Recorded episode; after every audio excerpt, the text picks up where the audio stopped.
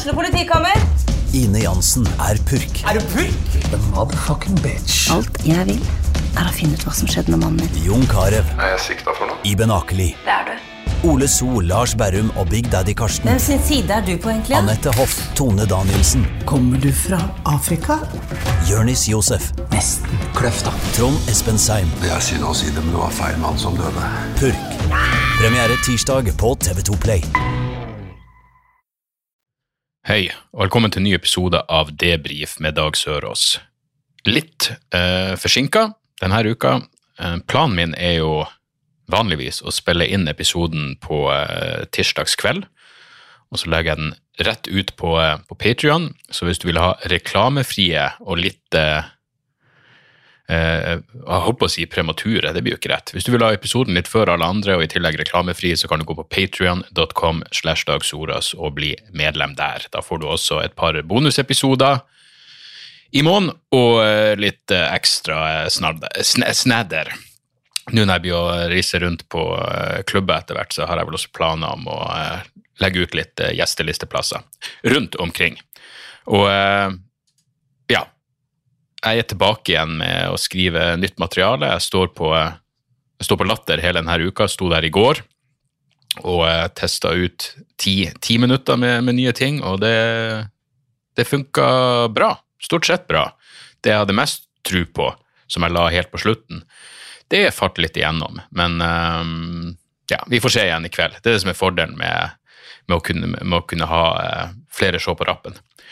Det blir vel eh, syv show, faktisk. Et par doble. Så syv show denne uka. Eh, og da bør jeg jo sitte igjen med Ja, da bør jeg sitte igjen med et kvarter, 20 minutter, tenker jeg egentlig, av, av ting. Og da er, er man jo i gang med neste show. Det ville føltes som en sånn jævla nedtur hvis jeg måtte gjøre noe fra eh, vrangforestilling, bare for å dra ting i land. Jeg føler at jeg er ferdig med det, jeg har fått opptaket, jeg sett litt på det, det ser fint ut, men det må selvfølgelig redigeres og bla, bla, bla, og ditt og datt, og det er jo filma med x antall forskjellige kameraer, så man må finne ut hvilke vinkler man skal ha her og der. Eh, mye arbeid, men heldigvis er det jo eh, folk som er atskillig Folk som kan det, og så trenger bare jeg å sitte og si sånn, sånn, gjør det og ditt og datt. Men det betyr jo også at man må stirre på sitt eget dumme jævla tryne i timevis, og det er jo på ingen måte noe jeg ser frem til. Men eh, den tid, den sorg. Ellers så føler jeg at denne uka er virkelig eh, ja, Det er liksom uka for å te teste rettsstatsprinsippene. Både med ja, eh, det der eh, Sirkus Breivik, som Nettavisa lettere flåsete kalte det. Og, og ikke minst at Toska skal være sjakkekspert for, for, for TV 2. Nå er det et eller annet med For jeg har tenkt mange ganger at jeg, jeg, ja, Jeg har sikkert nevnt det her før, men jeg, jeg tror jeg kunne vært med Jeg, jeg tror jeg kunne levd med meg sjøl. Jeg er en samvittighetsfull person. Um, men jeg, jeg, kunne, jeg tror jeg kunne levd med Hvis jeg utførte et ran som var ja, som var sånn her fuckings Oceans Eleven-aktig, hvor uh, det, det var minimalt. Det måtte nesten være ingen risiko for at noen skulle bli skada. Da måtte hele tanken der Ok, hvis uh, Jeg vil ikke, jeg vil ikke engang potensielt følelsesmessig traumatisere noen med det her ranet, men hvis man kunne gjort et eller annet hvor, eh, hvor det ikke var noe fare for at du måtte ha noe interaksjon med andre mennesker, så, så tror jeg jeg kunne levd med å stjele en eh, diamant fra en eller annen fuckings eh, svær jævla bank, eller et eller annet sånt. Men akkurat Nokas-ranet var jo selvfølgelig Når du, når du fyrer løs i Stavanger sentrum på formiddagen, så eh, da er du ikke i tråd med mine ransideal. Eh, Nokas-ranet var veldig langt unna noe som eh, George Clooney og fuckings Brad Pitt har vært involvert med på den store skjermen. Men jeg må jo si, jeg syns jo det, det veier jo tungt når, eh, når familien til eh, den drepte politimannen sier at de ikke har noen innsigelser mot det her. Um, jeg jeg syns det er dypt imponerende, så ja, det bør veie tungt. Nå, jeg, så vidt jeg husker, så jeg tror de etterlatte uh, møtte drapsmannen eh, bare et par år etter, etter ranet, men, men sønnen til, eh, til politimannen som som ble skutt, han sier jo at alt som bidrar til at Toska eller de andre domfelte kan bidra til samfunnet, er positivt. Og eh, ja, som sagt, det, det bør veie tungt. Det er sånn som i Jeg husker det var en sånn sak i Iran hvor, eh, en person skulle henges for at han hadde slått i hjel en annen person, og så der har familien eh, i hvert fall, jeg vet, ikke om det her er en generell regel i Iran, men eh, i hvert fall i dette tilfellet så hadde familien til den som var drept, siste ord. Så mora til sønnen bestemte seg for å benåde han i siste øyeblikk. Da sto han liksom med løkka rundt halsen, og så sa hun ok, greit, han kan, han kan få slippe fri. Jeg vil tro han lærte noe av den. Jeg tror eh, ja, Det er lenge til han havner i en fylleslåsskamp igjen. Det var tvilsomt en fylleslåsskamp i Iran. Men uansett, de hadde i hvert fall havna i uh, den saken så var det noen som hadde havna i en krangel, og så hadde han slått han, og så døde en andre person. Som, som, ja, som kan skje. Jeg har jo slengt så mye med leppa om at uh, av og til så det, det enkelte som fortjener ned, klinkes ned. Men uh, du skal ikke felle Du skal ikke dette så jævla uh, feil før det kan få tragiske, tragiske konsekvenser. Uansett! Humor, folkens! Uh, jeg husker jeg og Hans Magne bodde i toppen av Nokas-bygget for noen år siden. Vi skulle gjøre noe show i Stavanger. Og det er en jævlig, i hvert fall på dette tidspunktet så var det en jævlig fin leilighet um, helt på toppen der. Og jeg husker jeg tenkte da, faen hvis det fortsatt var Nokas Bank der nede, så hadde det vært den geniale måten å rane banken på. Å bare komme inn og så bare springe opp i toppetasjen og gjemme seg.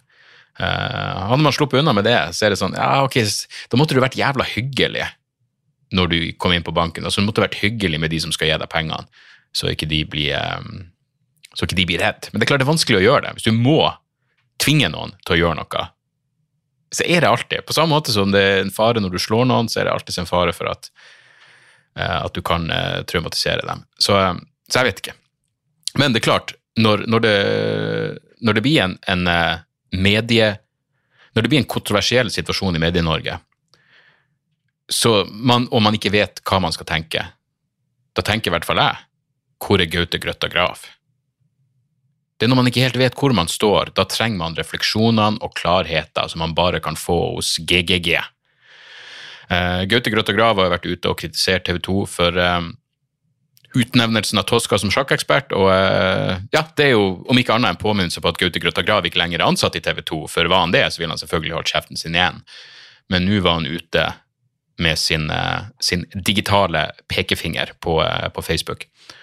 Og det er jo en viss ironi i at en mann som har begått audiovisuelle forbrytelser mot menneskeheten med låter og videoer som knekkebrød. At han samtidig skal kritisere andre, er jo hinsides skamløst. Eh, jeg vil si at hele den, den skiva han kom ut med, var ikke bare et Nokas, ikke bare et, eh, en lydversjon av et Nokas-ran, men, men ei grov terrorhandling. Og som sagt et, eh, et brudd på internasjonal lov. Så eh, han burde han burde eh, kjenne seg for god til å uttale seg om noen ting som helst. Eh, men det er klart, det, er jo, det står litt mer Jeg, jeg syns det står respekt altså Poenget med at uh, jeg sier at han ikke lenger er ansatt i TV 2, for hvis, hvis, han hadde sagt det her mens han var ansatt i TV 2, så ville det stått respekt av det.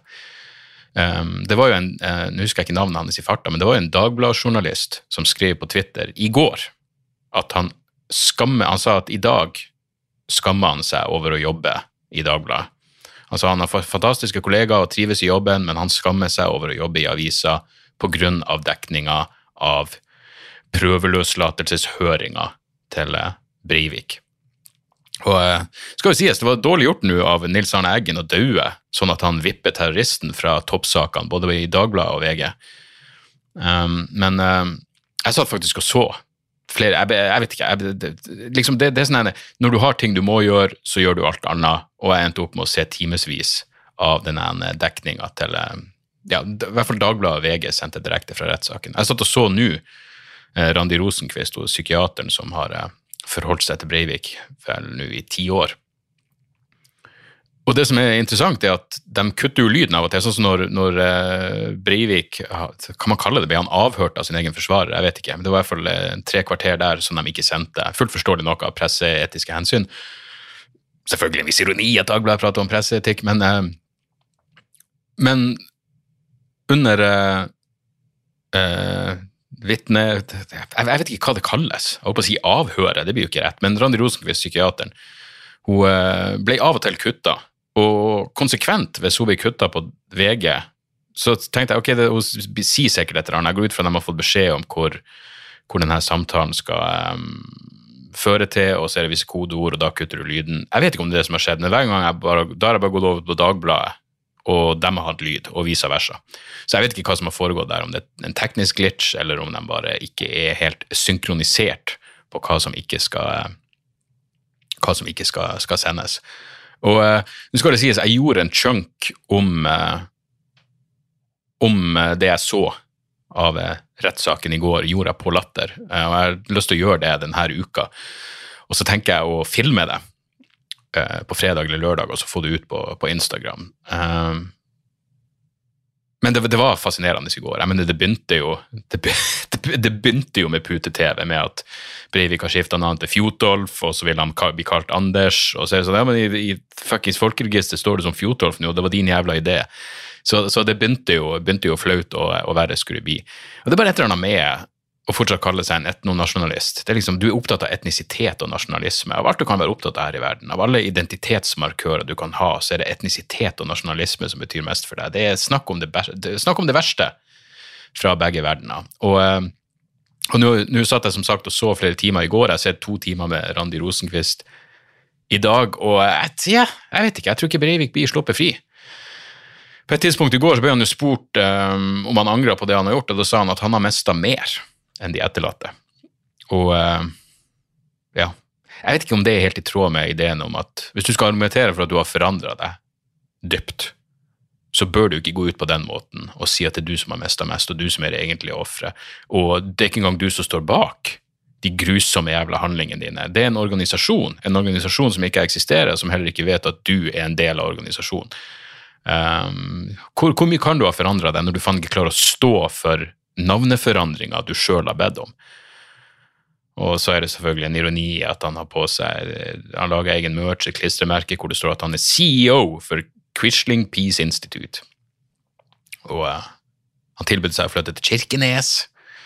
Det er ikke ofte, det er ikke ofte folk ber om verre straff uh, i stedet for prøveløslatelse. Men uh, Nei, merkelige, merkelige saker. Og derfor er Altså, jeg har fulgt eh, Randi Rosenquist. Jeg, jeg, jeg, sendte henne en melding på Facebook, tror jeg. Kanskje jeg burde sende noen ordentlig mail, for jeg hadde lyst til å få henne på podkasten for å prate om eh, egentlig noe helt, noe helt annet. Det er dyssosial personlighetsforstyrrelse, eller hva det heter. Men, eh, men er, det som er gøy med henne, er at hun er jo jeg tror hun er 70 år og er veldig sånn fin vestkantfrue. Jeg tror selverklært.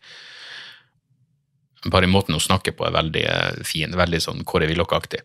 Og eh, så hun sitter nå Nå er det lunsj, per nå så det, har de lunsjpause, men da har hun sittet der i to timer.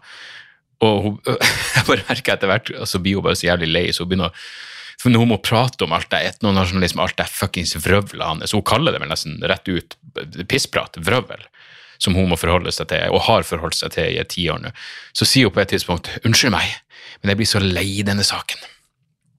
Hun sa det. Jeg blir så lei denne saken at jeg fremstiller den litt mer prosaisk.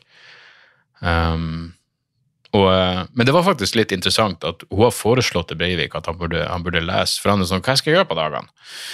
Ja, det burde du kanskje tenke på. Men uh, så hadde foreslått at han, han, kunne lese romaner. Det kunne være sunt for han. For det er jo faktisk en, en uh, ja, Det er jo folk som har teorier om empatiens evolusjon, som at, at uh, det er noen som har kalt det liksom det å lese romaner er som en slags sånn, jeg faen, sjelelig flysimulator, på samme måte som, som eh, piloter kan øve seg i en flysimulator, så kan du faktisk øve deg på å være et empatisk menneske med å lese romaner. Det er en sjelelig flysimulator. Du, du, du lærer deg det, det, det, er derfor jeg er så glad at jeg ble interessert i å lese romaner som unge. Eh, eller som ja, Hardy-guttene, gjelder det som romaner? Men uansett, du, du, du ser liksom du ser verden eh, gjennom andres øyne på en helt annen, på en måte som du kan gjøre det, det er ikke noen gode erstatninger for det. Film kan ikke, selvfølgelig ikke, ikke måle seg. Men da hadde selvfølgelig selvfølgelig, ja, det er egentlig selvfølgelig, da hadde Breivik sagt eh, Det er jo Femi. Så hadde han sagt til en av de fengselsvaktene at Rosenkvist vil at jeg skal lese romaner. Hva blir det neste? At jeg skal sitte og tisse? Det er da du virkelig kjøper den teorien om, om at mye av Breivik sine forstyrrelser skyldes fortrengt homofili. At han er en homofil homofob, som de fleste homofober er, vil jeg tro. Uh, men at det er ja, jeg husker jeg tror Kristoffer Schou skrev et eller annet om det i sine kommentarer når han fulgte rettssaken for Morgenbladet, om at uh, noe av hemmeligheten lå i at, at, Breivik åpenbart er i fornektelse over sin egen seksualitet.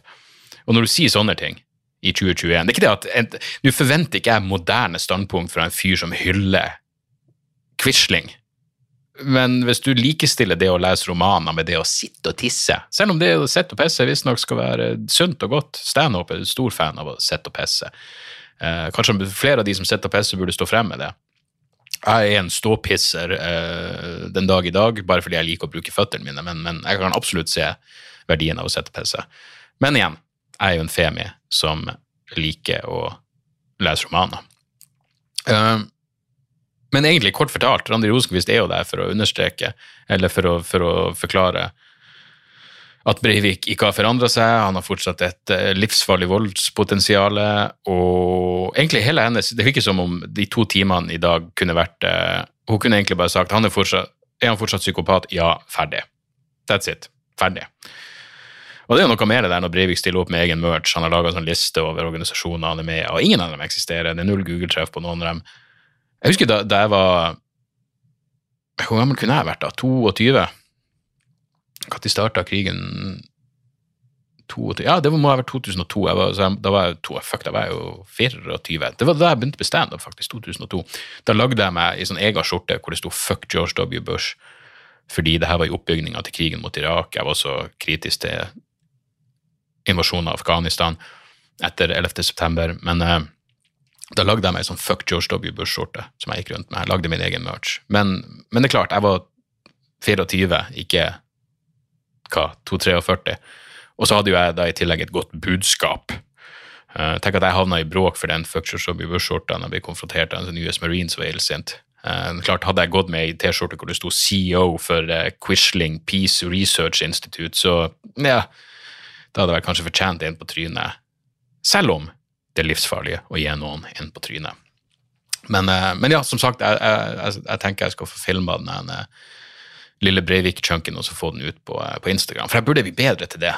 Er det noen der ute som er gode å redigere? Kanskje, jeg, vet folk har tilbudt seg hjelp tidligere, men hvis, hvis, du kan redigere, hvis du er god på sånt og er villig til å gjøre det for en shout-out på podkasten og en klinisk håndjobb neste gang jeg kommer til din del av landet, rop ut for jeg er ikke god. Jeg burde lære meg det. Jeg gjorde det en gang. Jeg la ut en, sånn brev, en greie om Petter Stordalen og jeg vet da faen, at han er en menneskehandler. Og da la jeg til og med på tekst sjøl, og det ble jeg nødt til å gjøre i dette tilfellet. Fordi jeg har faktisk sett et par. Det er noen komikere ute som er jævlig gode. Sam Morrill, uh, Jim Norton er god til det, Dan Soder. De er gode å legge ut som småklipp på, på, Instagram. Og da, jeg ser jo fordelen av at det blir tekster. Så, um, så jeg, det er mitt mål, å bli bedre til det i år. Når det sånn, sånn når man kommer opp med en, vits, en, en liten bit materiale som er veldig uh, dagsaktuell eller ukesaktuell, film det og få det ut. Så jeg skal prøve å, uh, å, bli bedre til det.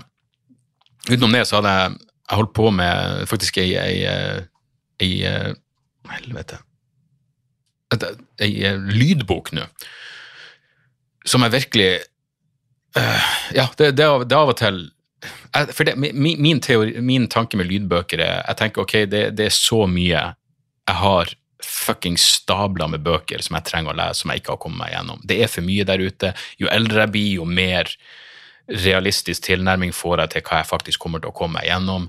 Så da tenker jeg ok, da kan jeg høre lydbøker og bøker som jeg er fortsatt interessert, men jeg er ikke helt der hvor jeg må ha fysiske eksemplaret og, og, fotnotene. Men straks jeg begynte på den her, så skjønner jeg, jeg trenger den fysiske versjonen også. For den nye boka til Johan Hari, som heter Stolen Focus, Why You Can't Pay Attention.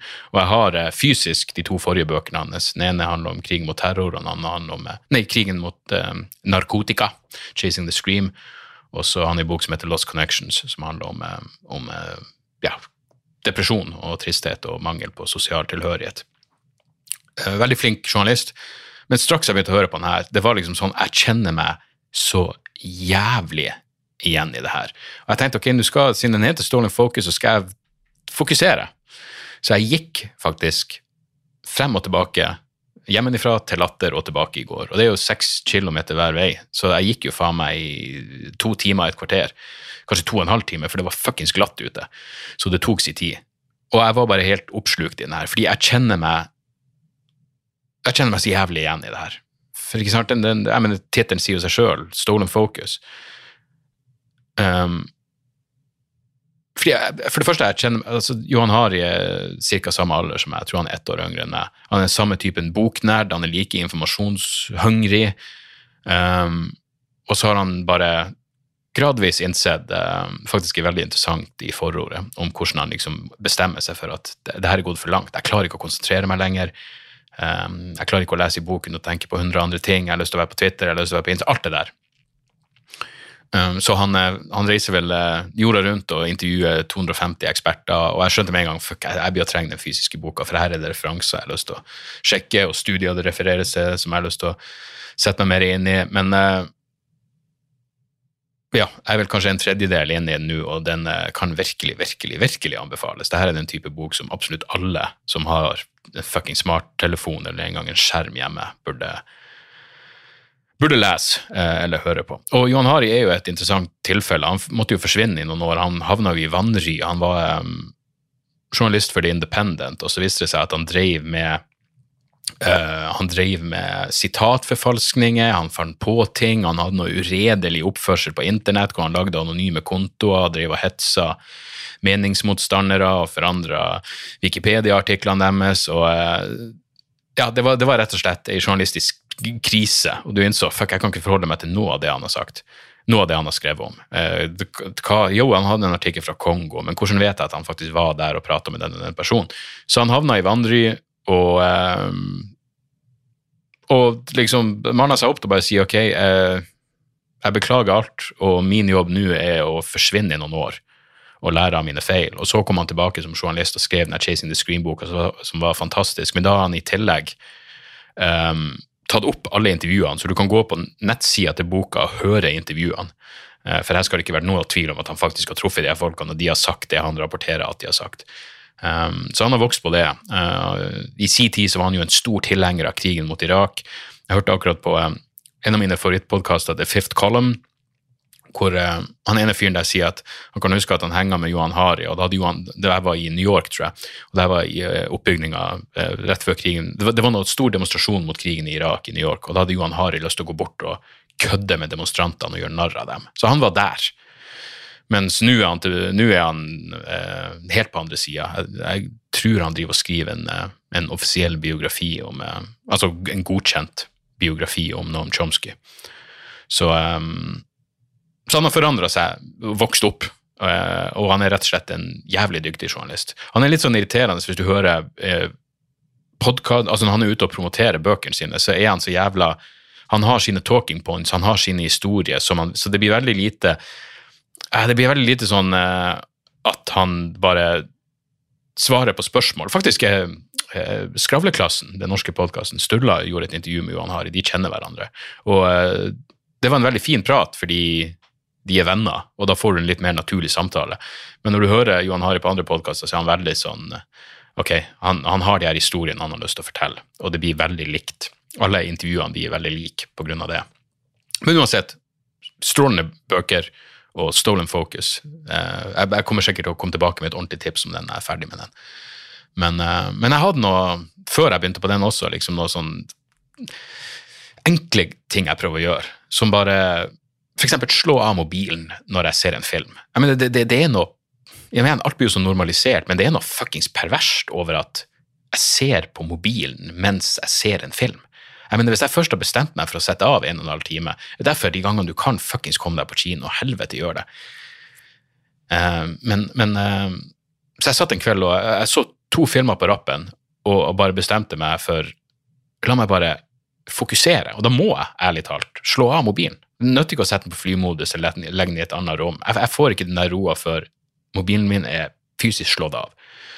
Og da satt jeg og så eh, Jeg så en film som heter jeg tror den heter The Lost Daughter på Netflix. Uh, og så så jeg Tender Bar på Amazon Prime uh, med Ben Affleck, faktisk. som jeg vet ikke helt hvorfor han ble så forhatt i sin tid. Jeg mener, Det var jo flaut når han var på Bill Maher og kalte Sam Harris en rasist. Det var jo flaut. Men, men som skuespiller Han er fuckings bra i denne filmen. Uh, han er ofte bra, men Tender Bar og The Lost Order var, var veldig sånn emosjonelt tunge, men de traff meg jeg mener, Det er et med hum, det humøret man var i, og jeg var i et litt sånn eh, Ja, jeg vet ikke, jeg, jeg får fortsatt de jævla um, Jeg får fortsatt de jævla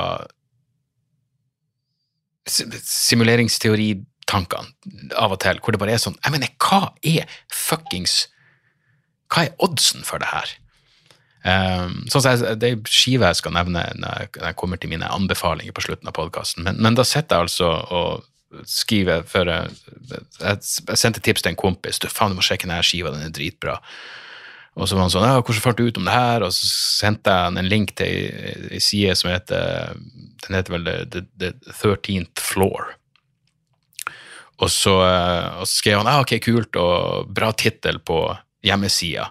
Og så svarte jeg eh, ja, det er aldri galt med en Rocky Eriksen-referanse. Og jeg sverger, i løpet av og det her skjedde bare for noen dager siden, i løpet av fem minutter så får jeg en melding fra en annen person som jeg ikke engang kjenner, som bare har sendt meg noen musikktips tidligere.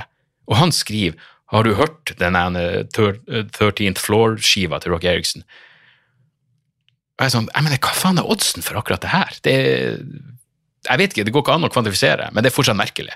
Og det er fortsatt at du får en sånn, og det var et eller annet jeg så både Lost Order og Tender Bar som gjorde Ja, jeg var i en sånn emosjonell status hvor begge de filmene hadde historie og scene og ting som faen meg traff meg så jævlig um, der og da.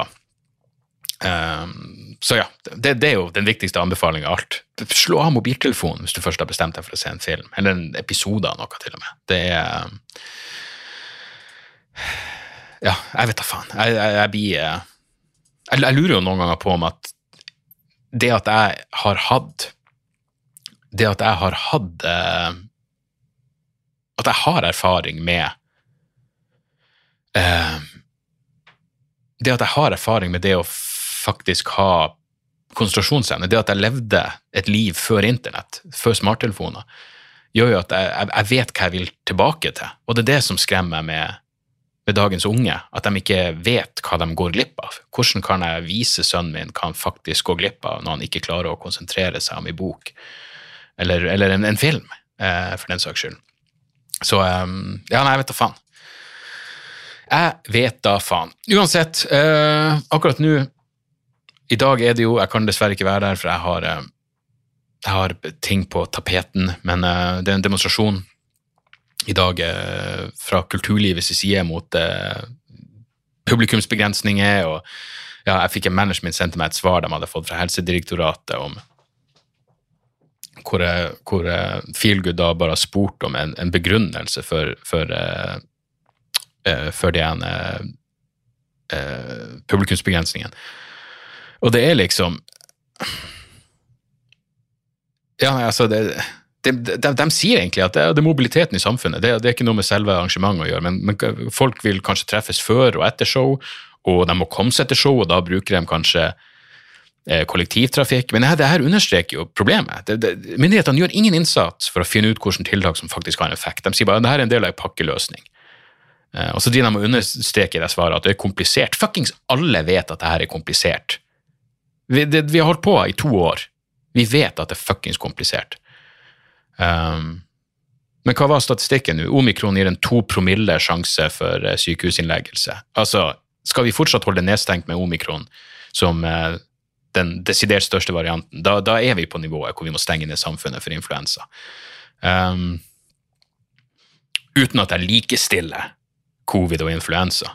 Men mens vi er inne på den type likestilling. Rogan goes to Washington. Jepp, Joe Rogan skal være Jeg, jeg, jeg, jeg selvfølgelig Jeg beklager at jeg tar opp igjen den fyren, men jeg får noen Rogan-fanboys i innboksen min eh, som bare irriterer meg. Og nå føler jeg at jeg har det perfekte svaret. Jeg mener, hvis, hvis du hører på Rogan og tar han seriøst, du hører på eh, episodene med McCullough og Robert Malone, eh, ta og hør den siste episoden av Decoding the Gurus.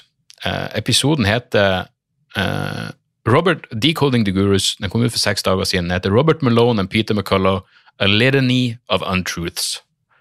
Og de bryter ned. Og, og, og, hvis du kan høre den, og dobbeltsjekke hvis det er en av den informasjonen de kom med, det er lett å dobbeltsjekke. Så hvis du hører på den episoden, og du er i tvil om noe av det de sier stemmer, så kan du dobbeltsjekke det, og ehm, hvis du da dobbeltsjekker det, og faktisk har et genuint åpent sinn, og fortsatt ser på Rogan som noen man burde høre på, så kan jeg ikke hjelpe det. Ja, men man så jo alle det klippet som spredde seg hvor Josh Sepps fra um, Faktisk, han har en veldig bra podkast som heter jeg tror den heter Uncomfortable Conversations. Men han var på Rogan, og så setter han Rogan på plass med hvor Rogan begynner å prate om det der eh, Hva heter Milo Cardais Det, det er hjerte... Eh, Fuckings hjerteinfeksjon, hjertesykdom. Hvor Rogan påstår at uh, det er så stor sjanse for å få denne hjertesykdommen hvis du tar vaksiner, hvor Josephs påstår nei, det er faktisk åtte ganger større sjanse for å få samme hjertesykdom hvis du får covid uvaksinert. Uh, og Rogan går imot, og så googler de det, Jamie pull that up, og så viser det seg at jo, det stemmer. Og Rogan er sånn Å, det er ikke det jeg har hørt. Nei, det er ikke det du har hørt, fordi du har fuckings sjarlatan, kyniske, bitre sjarlataner på podkasten din. Men da ser du. Jeg, jeg, tror jeg la det ut og skrev 'se hvor kildekritisk Rogan kan være'. For da, da begynner han med en gang 'ja, men hvordan vet vi det her'?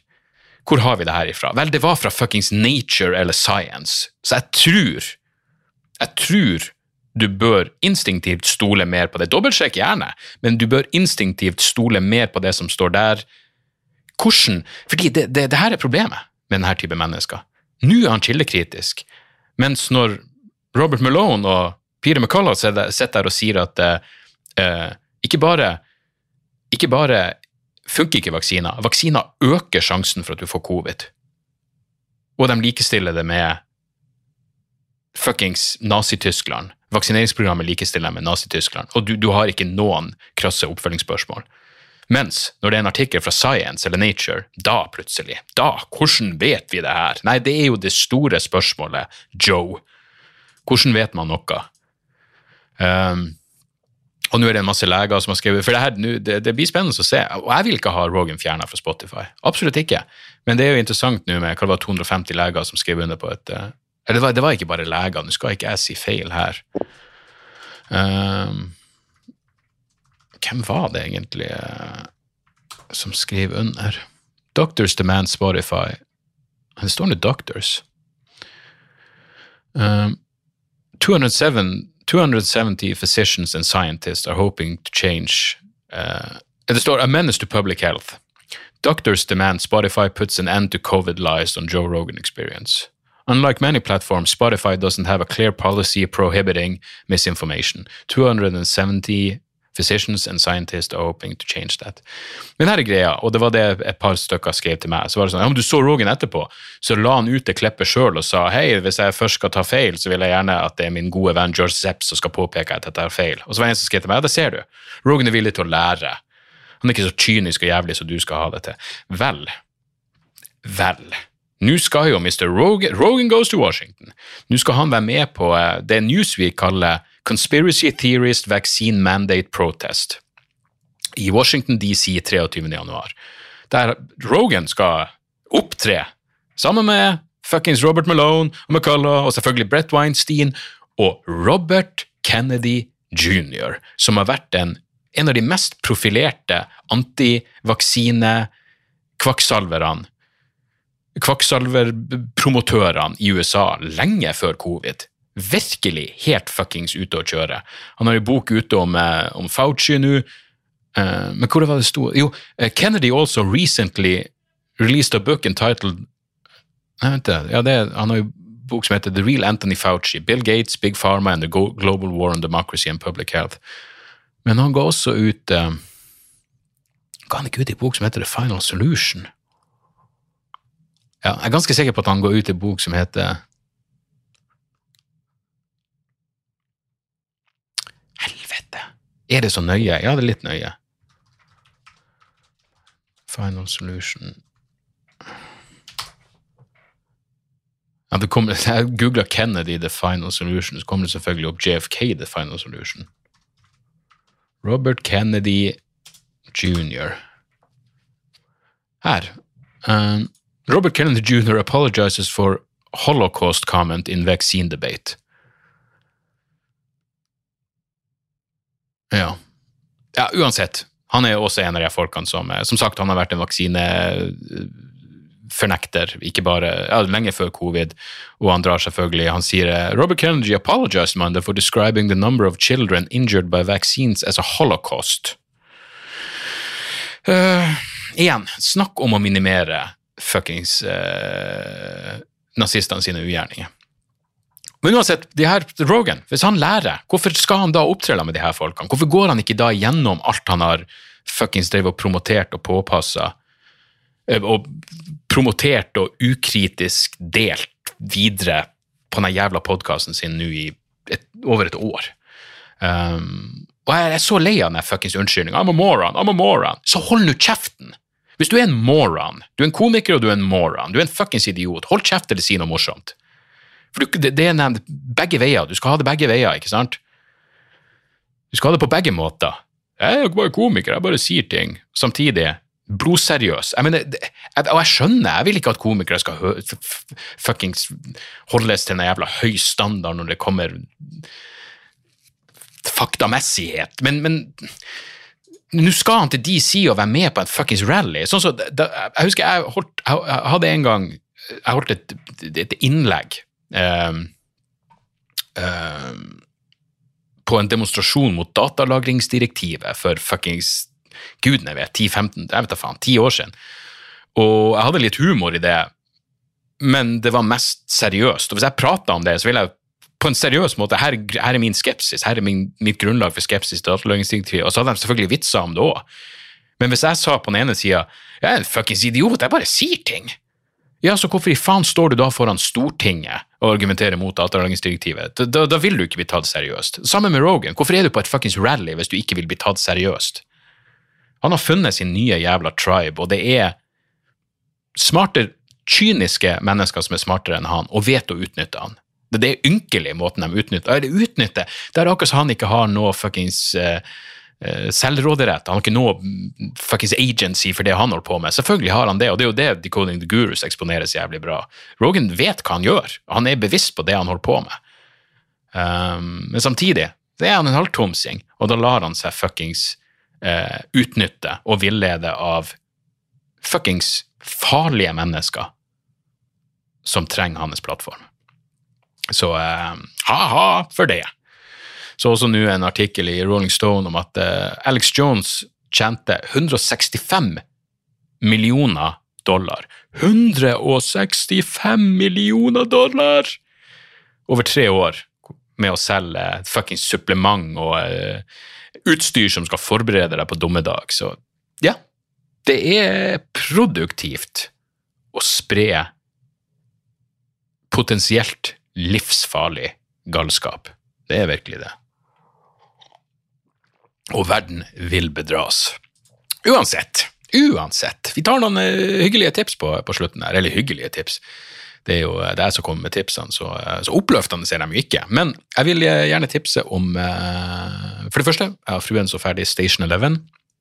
Hvis du, hvis du føler for Hvis du er en av dem som føler for mer postapokalyptisk dystopi i monitor. Så, eh, så, kan Station Eleven på HBO Max anbefales. Dette er ganske tung serie, det må jeg si. Altså sånn Tung og småkomplisert. Eh, det er en miniserie basert på eh, jeg tror det er en fjerde novella til kanadisk forfatterinne som heter Emily St. John Mandel. Det høres nesten ari, arisk Uff. Mye, jeg har sett for mye på rettssaken til Breivik. Det høres jo nærmest adelsk ut. Men fjerde novella hennes eh, det handler kort fortalt om et, et virus. Utsletter store deler av verdens befolkning. Første episoden handler om spredning av viruset. Du får den creepy følelsen med en gang. Du får et slags stage of nesten. Men et virus utsletter store deler av verdens befolkning, og så følger du en gjeng med sånn Shakespeare-skuespillere som reiser i en, en, de reiser i en sirkel et år i slengen rundt en del av Canada og USA, og så fremfører de Hamlet. Og Shakespeare-skuespillere de er ganske irriterende folk. De er en ganske irriterende gjeng. de som egentlig er store deler av denne serien. Allikevel en verd å se. Uh, til og med David Cross, fantastisk komiker, dukker opp i en liten rolle. Men uh, det, var, det, var, en sånn original vri på ja, men Det er jo på mange måter inni uh, ja, som sagt, det dystopiske The Road-territoriet, men, men, men originalt og ja, veldig sånn eh, Jeg på å si det tredimensjonale karakterer og um, Ja, rørende og ja, men du, du, Når du begynner å se den, så er det sånn, jeg blir jeg litt forvirra. Altså får jeg veldig mye hopping i tid, og sånn, men eh, når du kommer inn i det, når du kommer inn i flyten, så er den absolutt verdt å se. Og Nå er alle episodene ute, så går det an å binge. Station 11. Og så må jeg anbefale ei helt fantastisk skive, som var den jeg tilfeldigvis kom over. Det er liksom det er fredag som er plateslippdag. Eh, for det aller meste av det som kommer av musikk, og jeg har en sånn uh, greie hvor jeg går inn og sjekker liksom selvfølgelig hva, hva, Det som kommer ut av metal, har jeg jo stålkontroll på, og så prøver jeg å finne ut hva som kommer ut i folk-countrysjangeren. Og da fant jeg tilfeldigvis, via nettsida som heter The, The 13th Floor uh, et, En ny duo uh, som heter Tall Folk. Uh, de hadde Faen, jeg skal finne den. Altså, de har en beskrivelse Det er en, en mann. Uh, det, det, her viser, hvis det var noe tvil om, at Midtvesten i USA pluss New Zealand er lik sant. For det er en mann fra USA, og så er det en, en, en, frue fra New Zealand. Skal vi se, De hadde bare en sånn jævla fin For de er veldig uh, høye, begge to. De er tolv folk. Vi ser på Spotify 382 månedlige lyttere. Det her må vi faen meg gjøre noe med, folkens. Um, ja, det står Lara, Lara is from a long line of long legs. Jack is an extension of, a genera of generations of long necks. Så hun har lange føtter, og han har lang nakke. Skiva heter Wiser, og uh, den er rett og slett helt det er 35 minutter med fortreffelig folk, country, fuckings uh,